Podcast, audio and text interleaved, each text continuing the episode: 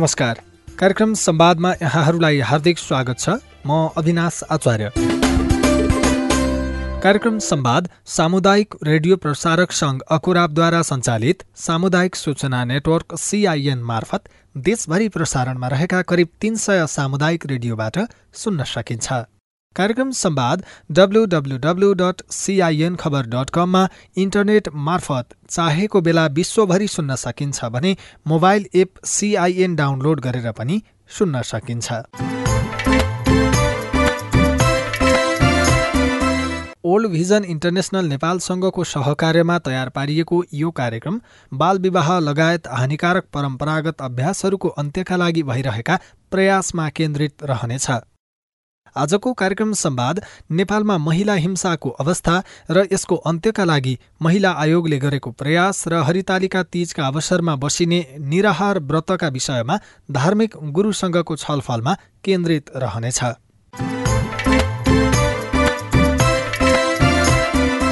देशको कुल जनसङ्ख्याको आधाभन्दा बढी हिस्सा महिलाको छ तर महिलामाथि हुने हिंसाको अवस्था भने घटेको छैन।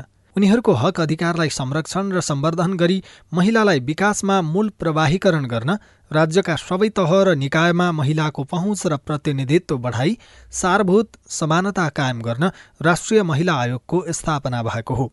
मूलत महिला विरुद्ध हुने सबै किसिमका विभेद र सामाजिक कुरीतिहरूलाई उन्मूलन गरी मुलुकमा महिलाको सम्मानपूर्ण स्थान सुनिश्चित गर्न विगत दुई दशकदेखि आयोग क्रियाशील छ। नेपालको संविधानले राष्ट्रिय महिला आयोगलाई संवैधानिक मान्यता प्रदान गरेसँगै आयोगको गरिमा र महत्त्व बढ्नुका साथै आयोगको काम कर्तव्य र अधिकार क्षेत्र समेत थप विस्तारित हुन पुगेको छ।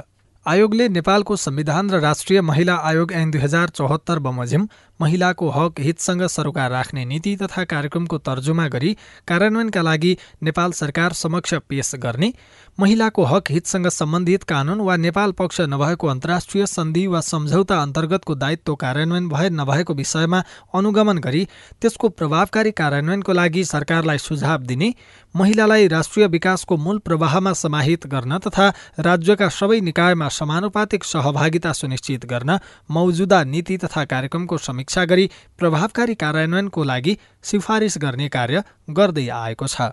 यसै गरी लैङ्गिक समानता महिला सशक्तिकरण तथा महिलासँग सम्बन्धित कानुनी व्यवस्थाको अध्ययन अनुसन्धान गरी सुधारका सम्बन्धमा सम्बन्धित निकायलाई सिफारिस गर्ने महिला अधिकारसँग सम्बन्धित नेपाल पक्ष भएको अन्तर्राष्ट्रिय सन्धि वा सम्झौतामा भएको व्यवस्था बमोजिम नेपालले पठाउनुपर्ने प्रतिवेदन तयारीका सम्बन्धमा नेपाल सरकारलाई सुझाव दिने कार्य पनि सम्पादन गर्दै आएको छ। यसै गरी लैङ्गिक समानता र महिलाको क्षेत्रमा काम गर्दै गर्दा आयोगले भोग्नु परेको चुनौती र तुलनात्मक रूपमा महिलामाथि हुने हिंसाको अवस्थाका बारेमा हामीले आयोगका प्रवक्ता चमिला भट्टराईसँग कुराकानी गरेका छौँ। एकदम म्याक्सिमम बढेको छ म्याडम उजुरीको सङ्ख्याहरू। अब कस्तो भने केन्द्रमा मात्र महिला आयो प्रदेश स्तरमा पनि नभएको जिल्ला स्तरमा पनि नभएको। अनि हामीले चाहिँ देशैभरि हाम्रो खबर गरौँ एघार पैँतालिस हेल्पलाइन सेवा छ। यसमा चाहिँ तपाईँहरू अनलाइन उजुरी भर्न सक्नुहुन्छ आफै पीडित आएर उजुरी दिन सक्नुहुन्छ फोन मार्फत उजुरी टिपाउन सक्नुहुन्छ भनेर प्रचार प्रसार पनि गरिरहेका हुन्छौँ। त्यो कारणले एकदम घटनाहरू बढिरहेको। अनि घरेलु हिंसा चाहिँ चरम रूप अझ तराई क्षेत्रमा धेरै हुने कि म्याडम अहिले हजुरसँग यहाँ म अलिकति टाइम एकछिनमा आएँ म्याडम भने त्यो पनि एकजना बुवा एकदम छोरीलाई पीडा भएर रुँदै आउनुभएको। त्यस्तो क्या? कतिसम्म भने एकदम म्याक्सिमम दाइजो लिने लिने लिने अन्तिममा त्यसलाई युज एन्ड थ्रो गर्ने क्या? उसको त कुनै राइटै छैन काम गर्ने गोठालोको जतिको पनि भेल्नु नदिने त्यस्तो खालको आउँछन् क्या धेरै चाहिँ। यो चाहिँ विशेष गरी तराईमा हुने गरेको छ। तराईमा त हजुरको दाइजोमै मान्छेलाई त पैसामा किनबेच हुँदो रहेछ क्या? त्यहाँ त म त भन्छु किन त्यो छोरीहरू धेर भएका? बरु बिहा नगरेर राख्नु नि भन्छु। फेरि आफै केटा खोजेर गएका पनि होइनन् क्या? त्यस्तो अवस्था। मानसिक हिंसा आर्थिक हिंसा शारीरिक हिंसा यौनजन्य हिंसा हजुरको भर्खर सुत्केरी भएको छ रेप गरेका छन् उसलाई सन्चो भइसकेका छैन है। अनि त्यसै गरी अब हेर्नु न कुटपिट मानसिक यातना त्यो चरित्र हत्या गरिदिने क्या? अर्कोसँग नाम जोडिदिने ऊ ऊ उसलाई अर्कोसँग नाम जोडिदिँदाखेरि सन्तुष्टि हुने नि त्यस्तो खालको? अनि हेर्नु न अब बिहा गरेको हुन्छ बिहा दर्ता नबनाइदिने अनि अर्कोसँग लागिसकेर अब अर्को बिहा गर्न रेडी पारेपछि उसलाई केही न बच्चा जन्मिसक्यो न बच्चाको जन्म दर्ता गर्दैछ न बिहा दर्ता आफै ठुलो बनेर म त अब मुद्दा हाल्न जान्छु भनेर अब अहिले यिनीहरूलाई सम्बन्ध विच्छेद मुद्दा हाल्न पनि सजिलो भएको छ नि त कानुनले। अनि आफै मुद्दा हाल्न गइदिने त्यस्तो हुन त यो आएका मध्ये एक दुई पर्सेन्ट महिलाहरू पनि बदमास छन् हेर्नु कोही कोही एकदम बुढाको सम्पत्ति खाइदिएर बाहिर बाहिर केटाहरूसँग अफेयर चलाएर हिँड्ने पनि छन् होइन?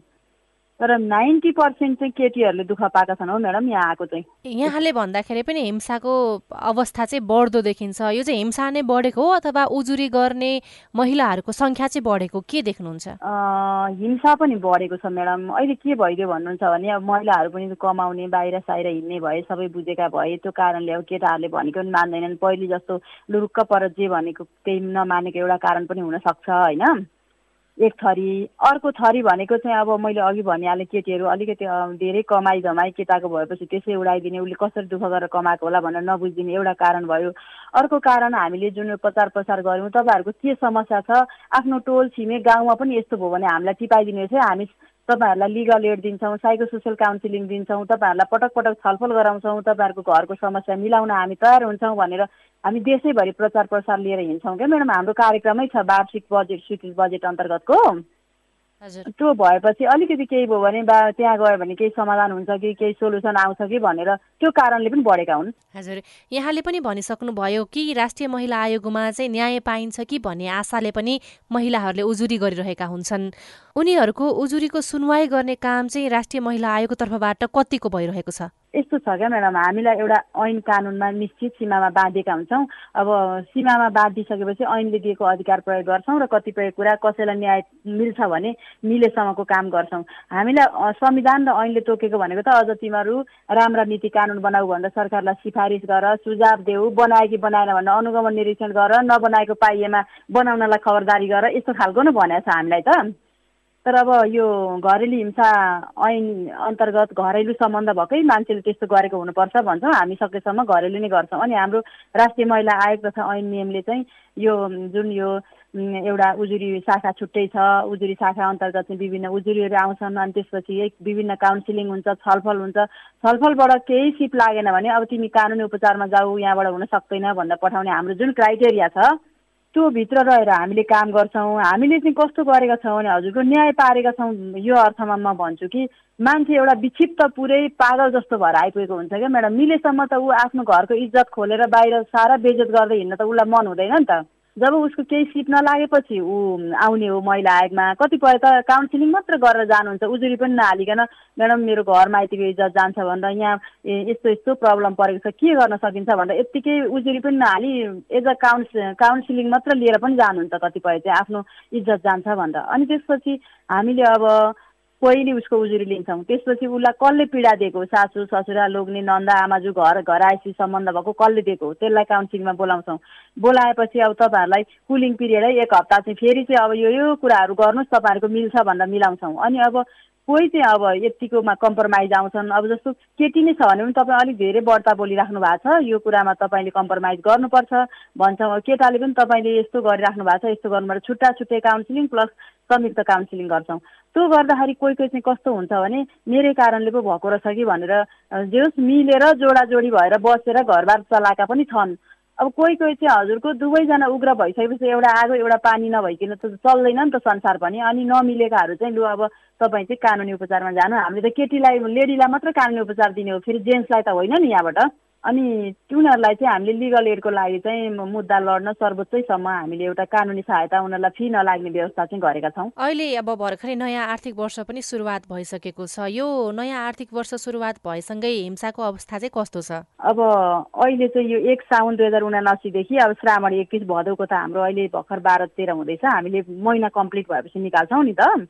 त्यो भएर साउनभरिको चाहिँ हजुरको अब घरेलु हिंसाको चाहिँ एक सय एक्काइसवटा उजुरी आइसकेका छन् अहिले नै होइन? यो महिनामै। महिला हिंसा चाहिँ महिला भएकै कारणले आउने खालका हिंसा भए होइन? त्यो चाहिँ नौवटा भए जम्मा यो महिनामा एक सय तिसवटा उजुरी आएका छन्। म्याडम एकदम फेरि यो बर्खामा मान्छेहरूलाई टाढादेखि आउन गाह्रो हुने अब चाडबाड तिज चिज आउँदा हुन त अझै पनि कति धेरै काउन्सिलिङ भइरहेछ। तिजमा त अब आउँदैनन् होला है भनौँ कहिलेकाहीँ साथीहरू गर्दा गर्दा आज त कम आयो नि हुने भन्ने स्थिति नै हुन्छ कि कहिलेकाहीँ? त्यो गर्दा पनि हजुरको एक सय तिसवटा उजुरी यो महिनामा आएका रहेछन् यो साउन महिनाको तथ्याङ्क म्याडम। अनि त्यही भएर मलाई लाग्छ त्यही हो महिनामा एक सयदेखि डेढ सयसम्म उजुरी आउँछन्। वर्षमा एभरेजमा चौध पन्ध्र सय उजुरी पर्छन् म्याडम। अहिले पनि त्यही रेसियो देखिरहेको छ किनभने यो एक महिनाकै त्यही कुरा बताइरहेको छ। यो कोभिडको बेलामा त झन् यति धेरै उजुरी अरे कि साथीहरू भन्नुहुन्थ्यो राति पनि सुत्न नपाइने रातभरि पनि यहाँ दुईवटा साथीहरू त फोन उठाउन उजुरी लिन बस्नुहुन्छ नि त चौबिसै घन्टा हो नि त हाम्रो हेल्पलाइन सेवा। अनि त्यो कारणले यति धेरै बढेको भन्नुहुन्थ्यो। किनभने जब काम हुँदैन बेरोजगार हुन्छ मान्छे त झगडै गरेर बस्ने त हो नि घरमा। जसरी महिलाहरूले न्यायमा पहुँच पुग्छ भन्ने आशा गरेर उजुरी गरेको हुन्छ महिला आयोगलाई तर त्यो अनुसारको सुनवाई भएको छैन भन्ने किसिमको गुनासोहरू पनि आउँछन्। सबै महिलाहरूको उजुरी चाहिँ किन सुनवाई हुँदैन? यस्तो छ म्याडम उजुरी चाहिँ अब हाम्रो चाहिँ कस्तो भने अब जस्तो चारचोटि पाँचचोटिसम्म काउन्सिलिङ गर्छौँ। अनि त्यसपछि कतिपय त अब जे होस् कस्तो भने अब कहिलेकाहीँ त झगडा पर्दो तर फेरि परो भन्दै नआउनु भएको पनि हुन्छ। जस्तै अब दिनमा दसवटा गरियो भने दुई तिनवटा चाहिँ सफल हुन्छ भनौँ न। अब जे होस् हाम्रो हाम्रो प्रयासले यति भयो भन्ने खालको उहाँहरूको मेलमिलापको स्थिति हुन्छ त्यो भनेको। अब धेरै चाहिँ कस्तो हुन्छ भन्नुहुन्छ भने अब यहाँ आयोगमा चाहिँ लिगल एड पाइन्छ अरे कमसेकम मुद्दा गर्नलाई पैसा लाग्दैन। त्यति गर्नलाई जानु पर्यो। अब म मुद्दा गर्नु बाहेक मेरो कोही उपाय छैन भनेर त्यस्तो खालको मानसिकता बनाएर आउनुभएको हुन्छ है। कसैले भनिदिन्छन् नि त त्यस्तै अब हामीले नै भनेका हुन्छौँ तपाईँहरूलाई यस्तो सुविधा दिएका हुन्छौँ आयोगले भनेर। अनि अब कतिपयको चाहिँ कस्तो भन्नुहुन्छ भनेदेखि बिहा गर्दैखेरि चाहिँ पुरै त्यो गर्नै नमिल्ने खालको क्या अब कसैको एज मिल्दैन कसैको भनौँ न कास्टले पनि असर पारिरहेको हुन्छ कसैको अब घर परिवारमा कास्टकै कारणले पनि कति झगडा पर्ने नि। त्यस्तो चाहिँ खालको मिलाउनलाई हजुरको कुनै उपाय नै हुँदैन क्या। त्यो त्यो चाहिँ गाह्रै पर्छ। अनि लिगल एडबाट चाहिँ लेडिजहरूले नै मुद्दा जितेर उनीहरू आफ्नो राइट लिएर चाहिँ बसेका छन्। जस्तो मैले मेरो सम्पत्ति यसरी डुबेको थियो यसरी महिला अहिले कानुनी सहायता दियो यसरी जितेँ म अलि ढुक्कले बसेको छु भनेर एउटी ढुक्कले बस्यो भने अर्कीलाई पनि यहाँ यस्तो हुन्छ है भनेर उसैले लिएर आएकी हुन्छ क्या। मुद्दा सुद्धा जितेर छुट्टै आफ्नो तरिकाले बसिराखेको बेलामा। मलाई कसैले आयोग जाऊ भनेको थियो यस्तो भयो तिमी पनि यहीँ जाऊ भनेर मैले लिएर आएको हो। अब एक दुई वर्ष त लाग्छ मुद्दा लड्न तर पनि पाइन्छ भन्ने किसिमले आएका हुन्छन् म्याडम। जस्तो यहाँले महिलाहरूको उजुरीहरू सुनवाई गर्दै गर्दाखेरि भोग्नु परेका चुनौतीहरू चाहिँ के कस्तो छ? चुनौती चाहिँ एकदम कठिन हुन्छ क्या म्याडम। अब त्यो जस्तो आउँछिन् एउटा पीडित। अब त्यसको बुढोलाई झिकाउन न फोन लाग्छ। त्यो कहाँ छ त बसेको? भन्न त म ती पुलिस बोलाएर ल्याउँछु भनौँ भने पनि ऊ भन्नै सक्दिनन् क्या उसलाई बसेको ठाउँ थाहा भए त ऊ आफै पनि आफ्ना माइती साइती लिएर जान्थिन् होला नि त। कहाँ लुक्छ कहाँ भाग्छ अर्को केटी लिएर बसेको हुन्छ। त्यो मान्छे यहीँ काठमाडौँमा भेटाउन सकिँदैन। एउटा त्यो समस्या है। अनि केही गरी आइहाल्यो भने उसलाई त तिमीलाई कानुन छ तिमीलाई यस्तो हुन्छ तिमीले यसरी महिला हिंसा गर्न पाउँछौ तिमीलाई त मुद्दा लाग्छ भनेर भनौँ भने म पनि मुद्दा गर्छु नि। कानुन मेरो लागि पनि त छ नि भनेर भनौँ न ऊ आफै ठुलो भन्छ है। अनि त्यसपछि हुँदा हुँदा सुई लाउने ट्याप हान्ने कि खाने के के के के हुँदो रहेछन् अब त्यो भएपछि त्यो सम्झाइ बुझाइ गर्न नसक्ने घरका बाबुआमा पनि हाजित सासु ससुरा पनि त्यस्तो खालको हुन्छ अनि हामीले त्यस्तालाई चाहिँ त्यो त्यसको ज्यानको सेक्युरिटीको लागि नै हामीले सेल्टर होममा पठाइदिइहाल्छौँ क्या म्याडम। त उसँग पठाउँदैन उसलाई मारि नै हाल्छ अनि के गर्नु? त्यो भएर चुनौती एकदम म्याक्सिमम् चुनौती त्यो अनि त्यसपछि गएर अब केही गरी ऊ काउन्सिलिङमा आयो भने नि अब हाम्रो कस्तो भन्नुहुन्छ भने त्यो प्याट्रिआर्कियल सोसाइटीको ठ्याक्कै झल्को चाहिँ त्यहाँ लाग्छ क्या। ऊ चाहिँ म कहाँ आइरहेको छु? मैले किन अलिकति महिलाको राइटको लागि ऊ कम्प्रोमाइज गरेको छुइनँ? म बदमास भएँ भन्ने उसलाई छँदै छैन कि? ऊ आफू ठुल्ठुलो बनेर उल्टै कुरा गरिराखेको हुन्छ क्या त्यो समस्या अनि अर्को कुरा अब घर परिवारले त एउटा महिला मानु न यहाँ घर एउटा महिला कसैले माइतीले पनि साथ दिएनन् भने हजुरको एउटा महिलासँग घरका नन्द आमाजु सासु ससुरा देवर जेठाजु गरेर दस बाह्रजना आइदिन्छन्। अब दस बाह्रजनाको अगाडि ऊ एक्लै बोल्न सक्छ त? उसलाई गाह्रो हुन्छ नि त। अनि त्यस्तो खालको पनि भेटियो कतिपय है। एकदम चुनौती भनेको चाहिँ महिलाहरूलाई कस्तो भन्नुहुन्छ भनेदेखि अलिकति माइतीले सपोर्ट गर भने त केही हो। गरेन भने चाहिँ अति नै चुनौती क्या। उसलाई त्यहाँ उनीहरूको अलिअलि केही खाइ जीविकाको लागि सम्पत्ति लिएर बस्न पनि नि एकदमै मुस्किलै पर्छ क्या। अदालतले दिलाइदिए पनि अब आफ्नो नाममा नगर्दैसम्म त उसलाई मिल्दै मिल्दैन। त्यस्तो खालको चाहिँ छ चुनौती। र महिला आयोगले पनि त्यसको लागि चाहिँ अब फैसला भएर आएका छन् भने चाँडो कार्यान्वयन गरिदिनु भनेर लेखेर पठाउँछौँ। पुलिसलाई छिटो त्यो मान्छे झिकाएर ल्याइदिनु भन्छ। पुलिसले पनि सपोर्ट गरे हुन्छ। हामीलाई पुलिसले झिकाइदिने कोसिस गरेकै हुन्छ त्यस्तो छ। कोही के अब हजुरको बच्चा पाँच वर्ष मुनिको छ आमालाई नदिने भनेर बाउले खोसेर राखेको हुन्छ। बाउ पनि विदेश गएको छ भने हजुरबा हजुरआमाले राखेका हुन्छन्। यो त पाँच वर्ष मुनिको त आमा पहिला गइरहेको छ भने पनि उसकै राइट हुन्छ भनेर हामी त्यो दिलाएर पनि पठाइदिएका छौँ र सेल्टर होमको व्यवस्था छ म्याडम आपद विपद परेकालाई त्यहाँ पठाउँछौँ हामी। यो जति पनि समस्या यहाँले भन्नुभयो चुनौतीहरू भन्नुभयो त्यसको समाधानको लागि चाहिँ के गर्न सकिएको खण्डमा चाहिँ सहज हुन्छ? महिलाले न्यायमा चाहिँ सहज पहुँच पुग्न सक्छ महिलाको। अब यो समाधान गर्न चाहिँ म्याडम हाम्रो महिला आयोगलाई अधिकारै भएन क्या वास्तवमा। अब के अरे भनेको छ नि अब महिला सम्बन्धी नीति कानुन बनाउने एउटा सिफारिस गर सुझाव गर एउटा गर। त्यो मात्र होइन नि त महिला आयोगलाई एक दुई टुकडी यहाँ प्रहरी दिनु पर्यो। को काम गल्ती गर्छ त्यसलाई कमसेकम लगेर चौबिस पच्चिस दिन थुन्न पाए पनि त अलि त्यो पीडितलाई नि राहत हुन्थ्यो एक किसिम भन्यो भने अब अलिक सुध्रिन्छ कि भन्ने आश पनि हुन्थ्यो। त्यो त खुलेलाम बाहिर हिँडेको छ त्यसलाई पक्रिन पुलिसले भेटाउँदैन त्यो महिलाले देखाउन सक्दैनन्। त्यो खालको एउटा भयो होइन? हामीलाई अलिकति सेफ्टी एन्ड सेक्युरिटीको लागि।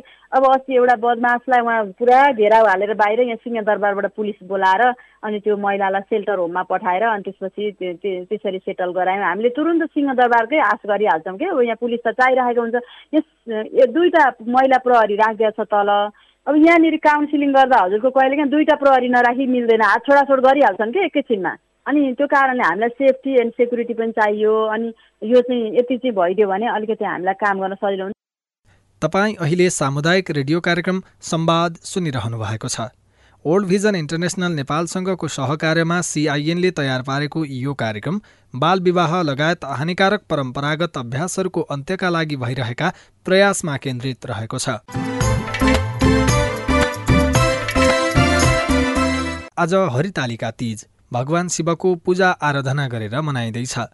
भाद्र शुक्ल तृतीयाका दिन मनाइने यो पर्वमा व्रत बसी भगवान शिवको पूजा आराधना गर्नाले सुख शान्ति र परिवारको कल्याण हुने जनविश्वास रहेको छ। तीजको अघिल्लो दिन हिजो दर खाएका महिलाले आज निराहार व्रत बसेर शिवालयमा गएर पूजा आराधना गर्ने गर्दछन्। भाद्र शुक्ल द्वितीयका दिन हिजो राति दर खाई आज तृतीयका दिनदेखि सुरु हुने तीज पर्व पञ्चमीको दिन अरुन्धती सहित सप्तऋषिको पूजा गरेपछि सम्पन्न हुने गर्दछ। दिनभरि पानी पनि नखाई निर्जल वा निराहार व्रत बस्ने भएकाले भने कतिपयको स्वास्थ्यमा समस्या आउने गरेको छ। कतिपय महिलाले व्रत बस्न नचाहँदा नचाहँदै पनि बस्नुपर्ने बाध्यता परेको गुनासो गर्ने गरेका छन्। के धर्ममा हरेक नारीले व्रत बस्नै पर्ने भनिएको छ वा यो हानिकारक परम्पराको सुरुवात भएको हो?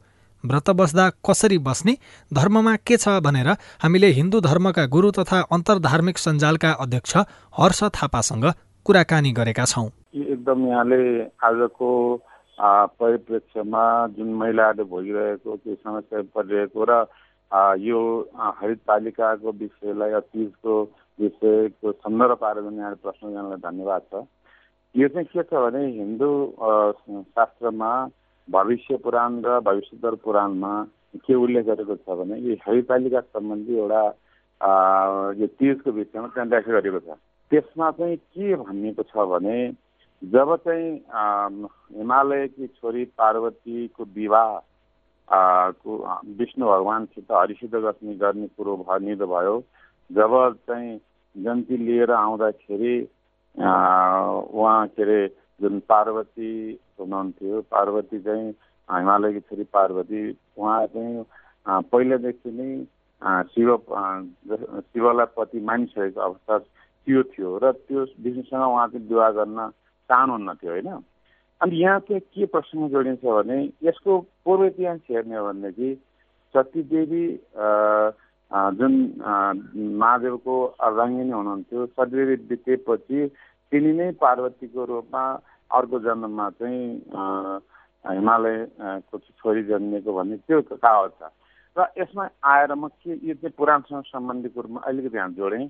अनि हरितालिका चाहिँ कसरी भयो भनेदेखि जब चाहिँ उनी भागिसकेपछि त्यो कुरो पछि विष्णु भगवान्ले थाहा पाउनुभयो उनले चाहिँ शङ्कर के अरे भगवान् शिवसित चाहिँ उनको चाहिँ विवाह गर्ने जुन इच्छा थाहा भइसकेपछि स्वयं भगवान् हरिले अथवा विष्णुले नै उहाँलाई एउटा तालिका दिनुभयो।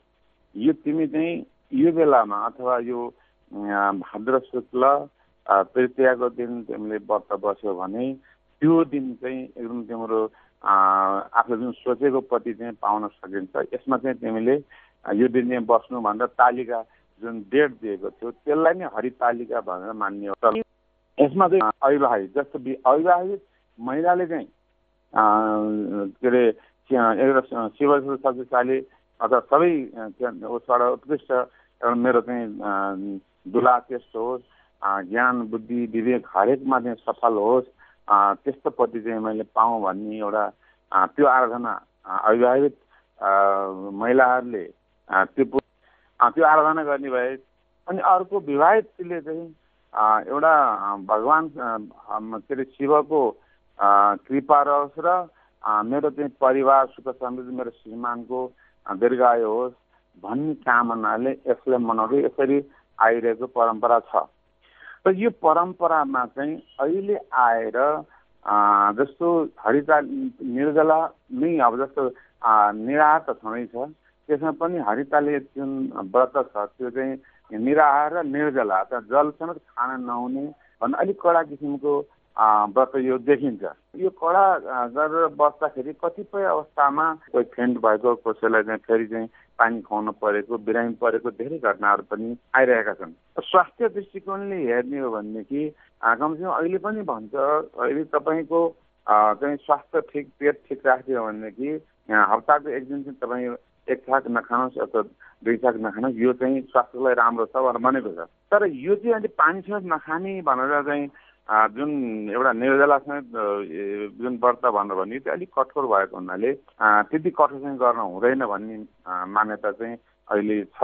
यसमा अर्को अर्को यहाँले चाहिँ प्रश्न सोध्नु भएको छ कसैले चाहिँ अब नचाहँदा नचाहँदा पनि जबरजस्ती अब यो व्रत बस्न लगाउनु पर्ने बस्नै पर्छ भन्नुपर्ने मान्यता यसमा चाहिँ के छ भने अब एउटा चाहिँ हाम्रो संस्कृति जुन छ संस्कृतिको हिसाबले यसलाई बचाउनु पनि जरुरी छ।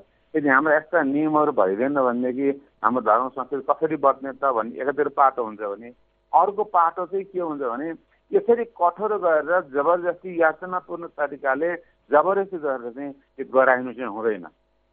त आफै बस्ने महिलाहरूले पनि व्रत बस्दाखेरि आफ्नो शारीरिक अवस्था हेरेर शरीरलाई कतिसम्म चाहिँ आफूले छेक्न सक्छ अब यो निर्जला भनेको छ यहाँ चाहिँ फलसँग खानु हुन्न भनेर भनिएको छ त्यसलाई चाहिँ म भन्छु त्यसलाई चाहिँ अहिलेको परिप्रेक्ष्यमा चाहिँ अलि अलिकति चाहिँ उहाँहरूलाई आफ्नो शरीर अनुसार गर्दाखेरि चाहिँ त्यो धर्म चाहिँ के अरे हुँदैन अथवा त्यो हुँदैन भन्ने मान मान्दा चाहिँ छैन। त्यसलाई चाहिँ अलिकति महिलाहरूले चाहिँ जो विशेष गरी यसमा महिला दिदीबहिनीहरू आमा खाला आमा अथवा भाउजू जो आफूभन्दा माथिल्लो तहले चाहिँ आफ्नो छोरी नातिनी नातिनी अथवा तेल तेलले चाहिँ यो कठोर चाहिँ कठोरपूर्ण तरिकाले बस्नुपर्छ भन्ने एउटा मान्यता छ।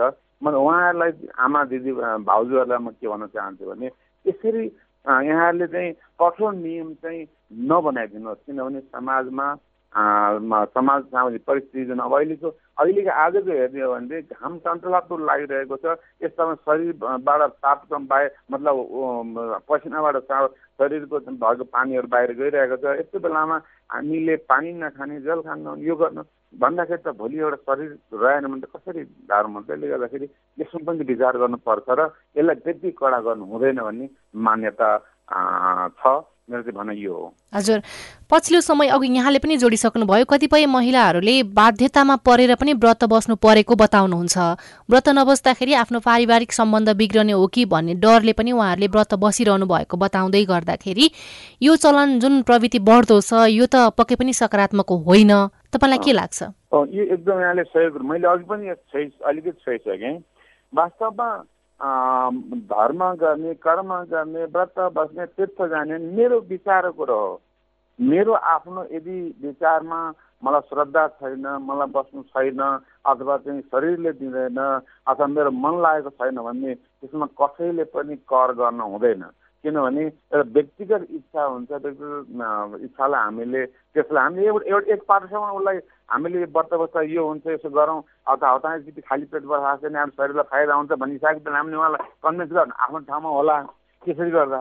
तर जबरजस्ती बस्नै पर्छ भन्ने हिसाबमा चाहिँ त्यो चाहिँ गरिनु हुँदैन किनभने त्यो व्रत गर्ने धर्म गर्ने भनेको त व्यक्तिगत आफैले पाउनु जस्तो मैले दिनभरि चाहिँ काम गरेँ भने बेलुका मैले पाउँछु के अरे बेलुका मैले ज्याला पाउँछु। मैले अब दिन पाँच सय कमाउने कि हजार रुपियाँ कमाउने मैले काम अनुसार मैले फल पाएँ त्यसमाले जबरजस्ती अर्काले गर भनेर त्यसरी लगानी होइन आफ्नो भित्री मनबाट स्वतन्त्रता आउनुपर्छ। स्वतन्त्रता आएर गरेको मात्रै त्यसको फल प्राप्त हुन्छ। जबरजस्ती कसैलाई पनि गराउनु भनेको त्यो एउटा पनिसमेन्ट हुन जान्छ। त्यस्तो गर कसैले पनि दबावपूर्ण तरिकाले गरेर हुँदैन। ठिक छ। यहाँले गर्नुहोस् यहाँले सम्झाउनुहोस् म तपाईँ किन आज वर्ष बस्नुभयो भने कसैले तपाईँलाई भन्यो भने कि तपाईँले यो यो कारणले मैले बसेको हो तर यसो गर्दा मलाई यदि फाइदा हुन्छ भने तपाईँले जानकारी गराउने हो। तपाईँले त्यो एउटा उहाँलाई सचेत मात्रै गराउने हो त्यो जबरजस्ती गर्ने हिसाबमा त्यो गर्नु हुँदैन। अरू कुरो म के हुन्छ नि अहिले जुन एउटा महिलाहरूमा तिजको नाउँमा एउटा जुन विकृति अहिले समाजमा फलि मतलब बढिरहेको छ यो चाहिँ अलिकति राम्रो भएको छैन। जस्तो अब अहिले पनि अब यो वर्ष पहिले कम देखिरहेको थियो विगतका वर्षहरू हेर्ने हो भनेदेखि हामीले धेरै खर्चालु तडबड गरेर अनि एउटा महिलाहरू चाहिँ तिजको व्रत बस्ने भनेर अलिक एउटा चाहिँ मध्यसँग पिएका दृश्यहरू हामीले मिडियाबाट पाएका छौँ। त्यो हाम्रो कथा कथा संस्कृति चाहिँ एउटा धार्मिक परम्परा पौराणिक परम्परा हाम्रो जुन धार्मिक मान्यताबाट हामी कता विचलित भएका हौँ कि भनेर त्यो पनि हामीले हामी सब तपाईँ हामीले एउटा अनुभव गरिरहेको अवस्था छ। तिजले चाहिँ सामाजिक सद्भाव कायम गर्ने काम पनि गरिरहेको छ। पछिल्लो समय यहाँले के देख्नु भएको छ? जस्तो मा चेली र माइतीको सम्बन्ध अझ प्रगाड बनाउने समयको रूपमा पनि तिजलाई लिइन्छ। दिदी बहिनीको भेटघाट वर्षौँ पछिको भेटघाट पनि देखिन्छ नि त। यसले चाहिँ सामाजिक सहिष्णुतालाई कसरी बढाइरहेको छ? यो चाहिँ वास्तवमा यो परम्पराको सबभन्दा मूल उद्देश्य भनेकै एउटा चेलीको स्वतन्त्र जुन तिज भन्ने बित्तिकै नारी स्वतन्त्रताको चाहिँ हामी छाता यो जस्तो हामीले जहिलेदेखि मैले आफ्नो तिजको अनुभव गरेँ तिजमा मेरो आमा दिदीबहिनीहरूले जुन किसिमको अब तिज मनाएर आउनुहुन्थ्यो त्यो हामीले हेऱ्यो। त्यो भनेको के भने नारी स्वतन्त्र स्वतन्त्रताको दिन एउटै वर्षमा आउने दिन भनेको तिज रहेछ। यो चाहिँ एउटा चाहिँ परम्पराले हाम्रो चाहिँ पौराण पौराणिक समयदेखि नै यसलाई चाहिँ उहाँहरूले अब स्वतन्त्रपूर्वक चाहिँ नाचगान गर्ने अनि आफ्नो हिसाबले त्यो त्यो बेलामा चाहिँ अब श्रीमान यदि श्रीमान छन् भने श्रीमानले खाना पका पकाउने अनि के अरे बाबुआ बाबुले अनि घर भाइले त्यो गर्ने गरेको हामीले पनि बच्चामा अब आमाहरू चाहिँ त्यो व्रत बसेको बेला हामी आफै स्वयं नै खाना बनाएका अनुभवहरू छन् त्यसले गर्दाखेरि यो भनेको नारी स्वतन्त्रताका लागि एउटा पाटो यसले चाहिँ एउटा दिएको छ भने अरू कुरो जुन समाजप्रति सामाजिक सहिष्णुता समाजप्रति चाहिँ एउटा घोलमेल हुने सामाजिकत्व एउटा बनाउने एउटा चाहिँ माध्यमको रूपमा तिजलाई लिन सकिन्छ। जस्तो हामी जहिले पनि तिज आउँदाखेरि मैले दिदीलाई लिनु गएको सम्झना मलाई आउँछ। बुवाले बुवा आमाले पठाउनुहुन्थ्यो त्यसले लिएर आउने माइत राख माइतमा बस्ने त्यतिखेर अनि दिदी उहाँका चाची चेली बेटी सबैजना आफ्ना दिदीबहिनीहरू जम्मा भए हाँसखेल दुःख सुख सबै कुरा भए यसले गर्दाखेरि जुन एक वर्षसम्म आफ्नो नभेटिएका साथीहरू पनि सङ्गतिहरू पनि भेटिने र एउटा जमघट रमाइलो गर्ने किनभने सबैको मनमा इच्छा हुन्छ अब एउटा सधैँ बुहार्न बसेको एउटा बुहारीलाई उसलाई पनि आनन्द लिने चाहिँ एउटा एउटा चाहिँ उसले अवसर खोजिराखेको हुन्थे एउटा छोरीले चाहिँ आनन्द लिने अवसर खोजिरहेको हुन्थ्यो। त्यो तिजले चाहिँ त्यो एउटा चाहिँ एउटा पहिलेदेखि नै त्यो बन्धनबाट मुक्त गरेर उनीहरूले चाहिँ आनन्द हर्षोल्लास र मनमा आनन्दको दिनको रूपमा चाहिँ त्यो तिजलाई चाहिँ मानिआएको मैले पाएको छु र यसले चाहिँ सामाजिक सद्भावलाई अझ प्रगाड बनाएको छ अनि समाज सामाजिक एउटा परिवेशलाई नै एउटा एकजुट भएर एकजुटता भएर समाजमा बाँच्नको लागि पनि यसले एउटा ठुलो सन्देश दिएको छ। त्यसले तिजको महत्त्व धेरै छ सामाजिकरण गर्नको लागि तिजले चाहिँ महत्त्वपूर्ण भूमिका खेलेको छ। यो कुराकानीसँगै कार्यक्रम संवादको निर्धारित समय सकिने लागेको छ। आजको विषयवस्तु तपाईँलाई कस्तो लाग्यो? बालविवाह लगायत हानिकारक परम्परागत अभ्यासहरूको अन्त्यका लागि तपाईँको केही अनुभव पो छन् कि? हाम्रो टेलिफोन नम्बर शून्य एक बाहन्न साठी छ चार छमा फोन गरेर दिइएको निर्देशन अनुसार तपाईँ आफ्नो अनुभव तथा सल्लाह सुझाव जिज्ञासा एवं प्रतिक्रिया रेकर्ड गराउन सक्नुहुन्छ। साथै तपाईँले हामीलाई हाम्रो Facebook page community information network सिआइएनमा गएर पनि आफ्ना कुरा लेख्न सक्नुहुनेछ। हामी तपाईँको प्रतिक्रिया पर्खिरहनेछौँ। ओल्ड भिजन इन्टरनेसनल नेपालसँगको सहकार्यमा सिआइएनले तयार पारेको कार्यक्रम संवादबाट प्राविधिक साथी सुरेन्द्र सिंहसँगै म अविनाश आचार्य पनि विदा हुन्छु। नमस्कार।